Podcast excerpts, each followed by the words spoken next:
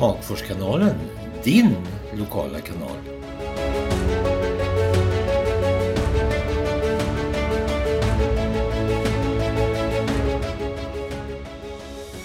Ja, då ska vi ta och ringa upp Bengt Gustafsson så får vi se om han svarar.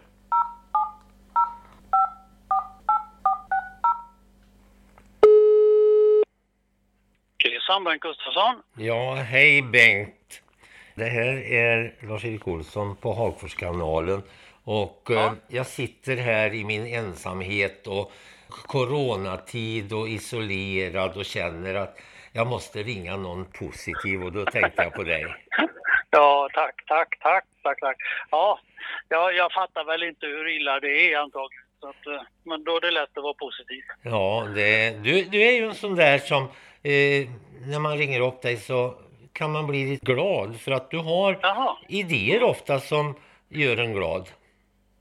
Ja, det har jag nog. Jag, bestämde mig för hemskt länge sedan att det ska vara gött att leva.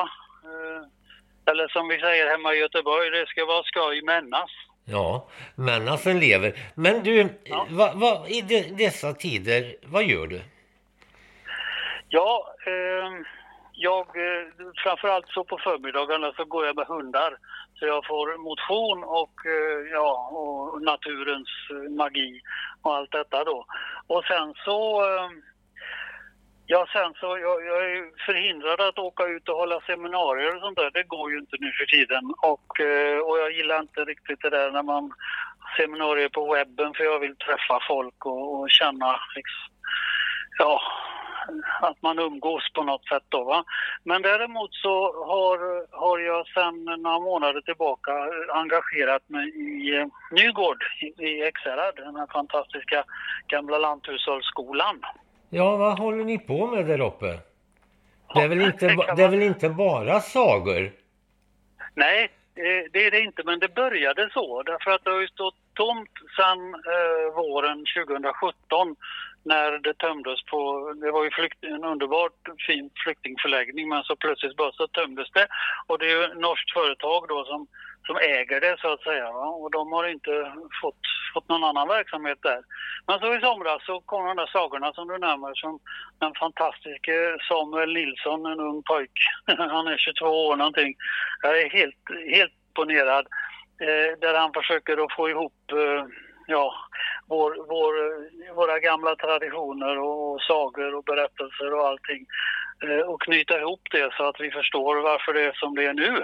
Mm. För, er, för, er som, för er som lyssnar kan jag säga att jag gjorde faktiskt ett inslag med honom på den här podden då när han gjorde sina första steg i det Ja. här och jag var helt imponerad. Och så frågade jag vad gammal han var jag, jag trodde han var mycket äldre men det var, han var väldigt ung. Nej, nej, nej. Han är ju 22 år, eller 23 kanske han är nu då. Och Ja. han, han, han, alltså hans, hans timing var ju fantastisk. Han hade ju liksom en, en, en, en, en, en, dag, en dag om, om pesten eh, som, som var då på medeltiden. Och det var då eh, coronan kom. Så Ja. att eh, bättre tajmat kunde det inte vara. Eller, säm, Men, eh, eller han- sämre. Nej, precis. Eller sämre. Nej, nej, nej men eh, han hade ju fem, eller de, de, de är ju fler också då, men 500 besökare eller någonting i somras. Alltså, jag tror 200 var barn eller någonting sånt där. Alltså, så han, han lät ungarna rita och han berättade sagor och sen gick de ju eh, stigar uppför berget där. Helt otroligt. Och eh, där har vi tagit avstamp i detta engagemang. Eh, därför att eh, Nygård eh, är stället för sånt. Eh, det, det stämmer så väl och stavkyrka och alltihopa detta då. Eh, och eh, då... Så då har vi satt igång och se kan vi fylla Nygård. Vad gör, vad gör de där? Berätta lite mera. Vilka då? Ja, vad gör ni på Nygård? Berätta lite mera för nya Ja. som inte vet. Ja, precis. Alltså, vad vi gör nu det är ju att vi har fått ihop ett gäng eh, som, som eh, med massor av visioner och idéer, väldigt praktiska, som, kan, som verkligen kan genomföras. Jag har ju varit med om det en gång. Eh, när vi startade Republiken Klarälvdalen, en ideell förening. Och då köpte vi ju Nygård, vi startade 91, men 97 då köpte vi ju faktiskt Nygård. Eh, och så fyllde vi det med liv, lust och företagande och så. Och eh, jag tror att när vi sålde det sex år senare då var det 27 fasta jobb eller någonting sånt där. Och det tycker jag är fantastiskt bra i glesbygd, att det går. Och nu får jag vara med igen. Och eh, det som eh, har tillkommit på senare tid, det är att vi har fått en medspelare till eh, som eh, är väldigt, väldigt bra och det är kampveteran. Det är, det är Mats Kåreskog och, och hans kompis Mats eh, Eksäring själv. Men det finns alltså fem, jag tror det är 55 000 utlandsmilitärer, alltså som har jobbat för FN och allting. Och de har en förening och de har åkt runt i Sverige och sett vad skulle vi kunna ha ett ställe där vi kan samlas på helger och där vi kan umgås och prata med varandra och sådär. Och de, nu är de klara, de fastnade för Nygård i Ekshärad, kan du förstå? Alltså det är helt otroligt. Bästa stället i Sverige, ja det är underbart. Och det innebär ju att det, det, finns ju folk som vill vara där och dessutom så har vi massor av andra idéer. Självklart så måste det ju till restaurang och pub och allt vad det är för de som kommer och boende och alltihopa sådär. Men så kommer den här eh, Skildra som föreningen heter med sagorna och alltihopa. Och det här kan utvecklas hur mycket som helst. Och som, sen har jag en kompis som heter Alec Boksjö och hans fru Jane de har bott, eh, jag jobbade en gång i tiden med hans pappa, de är i 50-årsåldern. Nu har de bestämt sig för att, att, byta liv. De bor i Sollentuna då och eh, han har varit sju år i Ryssland och jobbat med företagande och sådär. Men eh, nu har de bestämt sig, de ska flytta hit. Alltså han, han, han bodde här ett tag så att han tog studenten i Hagfors så han kan språket. Eh, ja, ja eh, men det är otroligt roligt också för de är så drivna och har verkligen bidragit med mycket. Så jag vet inte, det är hur mycket som helst på gång och, och det är bara positivt. Ja, men det, eh, det, är väl sånt som behövs i sådana här tider ja, också? Absolut, ja ja. Nej det är, eh, alltså det är så roligt för det här skildrargänget... ja, hela, hela det här gänget. Det, eh, de flesta har någon form av bokstavskombination. Och i det normala samhället så är det en brist, men jag säger det är en jättefördel eftersom vi accepterar varandra. Och jag skrev en, en krönika i, i NVT idag faktiskt, eh, och där jag kom att tänka på en, en, en belgare som heter Ilja Prigozhin. Han fick Nobelpriset i kemi 1977 eh, för någonting som heter självorganiserande system. Och det var helt enkelt, han blandade vätskor som stötte bort varandra. Men han lät dem vara. Och då synkade de och smälte ihop och resultatet blev alltså en vetenskaplig sanning. Ju större kaos, desto högre ordning. Och det borde ja, vi lära oss att om vi bara tyck, vi ska tycka olika, vi ska vara olika och så ska vi acceptera varandra. För då kommer de här fantastiska idéerna som inte kommer annars. Vad, tro, eh, vad tror du det här kan bidra med för bygden framöver? Ja, det går inte ens att mäta ska jag säga.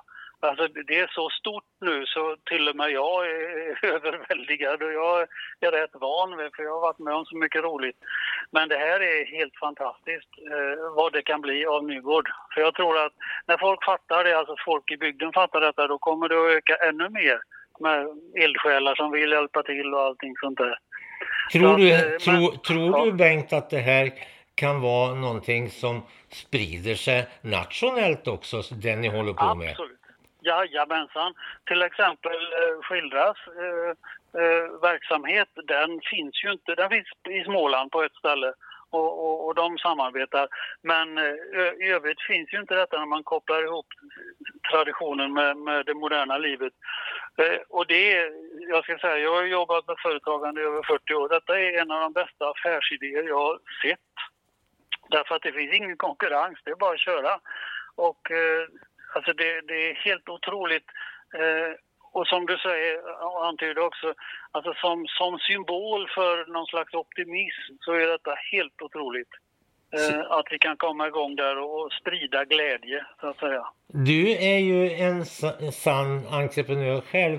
Eh, ja.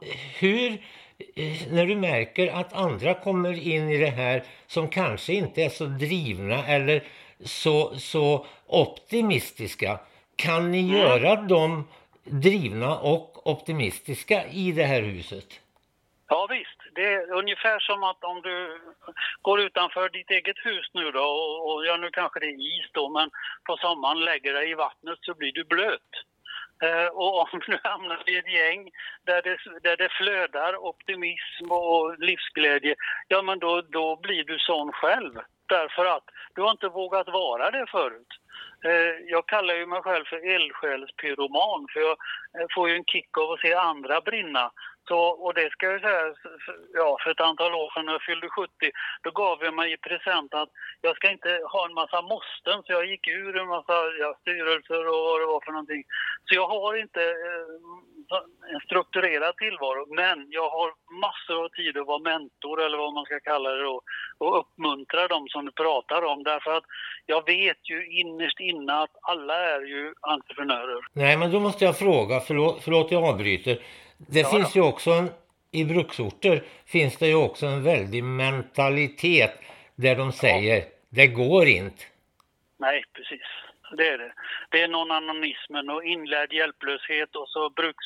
Ja, eh, eh, brukspatron eh, ställde ju till det väldigt därför att alla satt bara och väntade på besked. Mm. Eh, men, och jag har till och med hållit ett seminarium några gånger så här. Eh, patron ur så att vi inte kan skjuta på framtiden. Jättebra Bengt. Den, den, den ska jag nyttja i fortsättningen.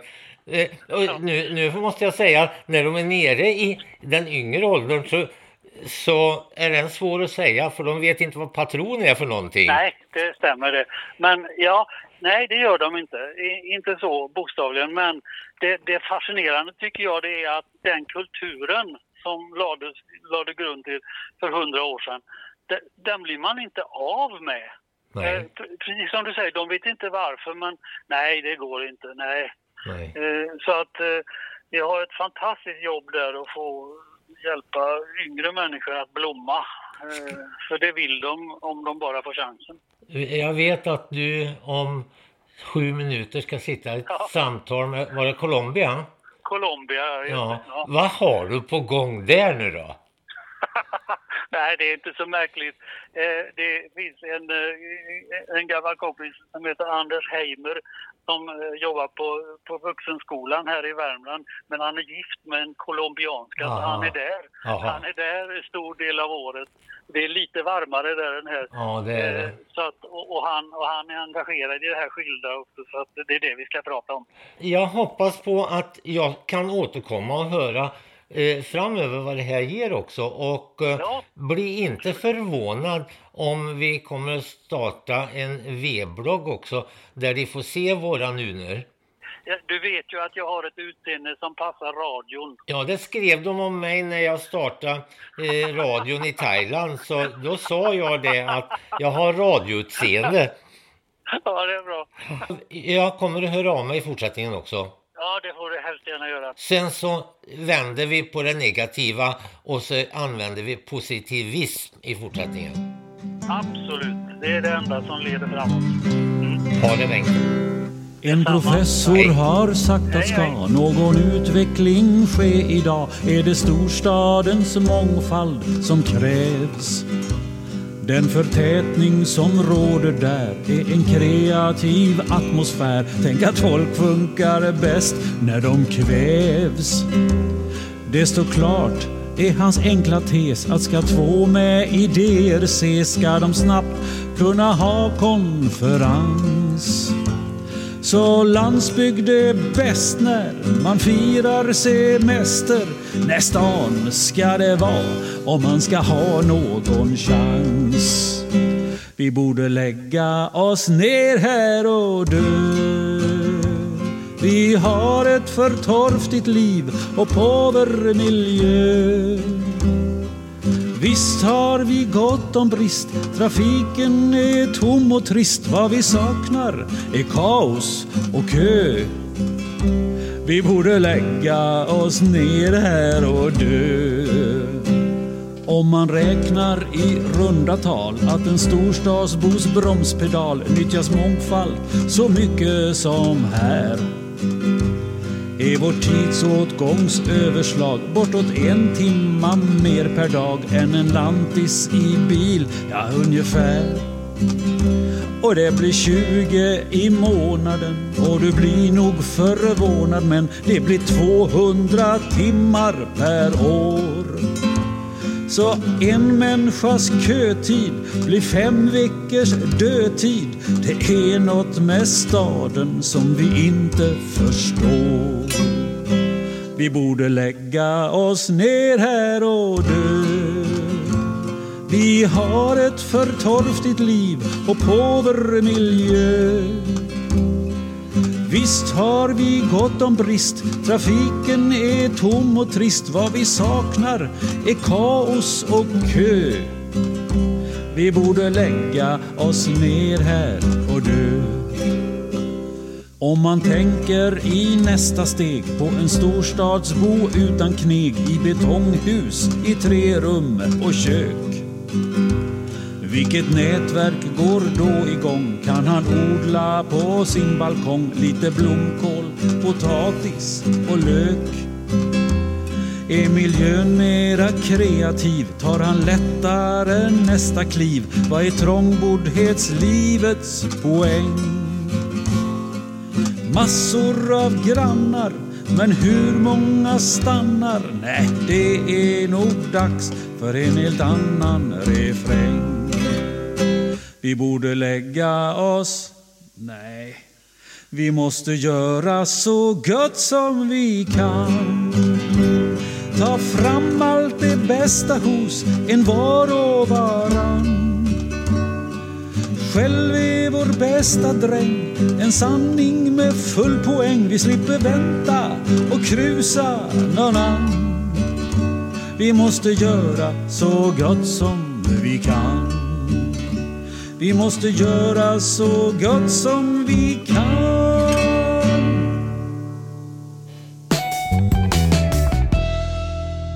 Ja, det var återigen en podd från Hagforskanalen ute i etern. Vill du kontakta oss så har vi en Facebook-sida som heter Hagforskanalen och naturligtvis kan du också göra det med e-mail hagforskanalen snabela outlook.com jag heter Lars-Erik Olsson och det tekniska det har skötts av Peter Åkerström och du, håll avstånd, håll ut. Tack för att du har lyssnat.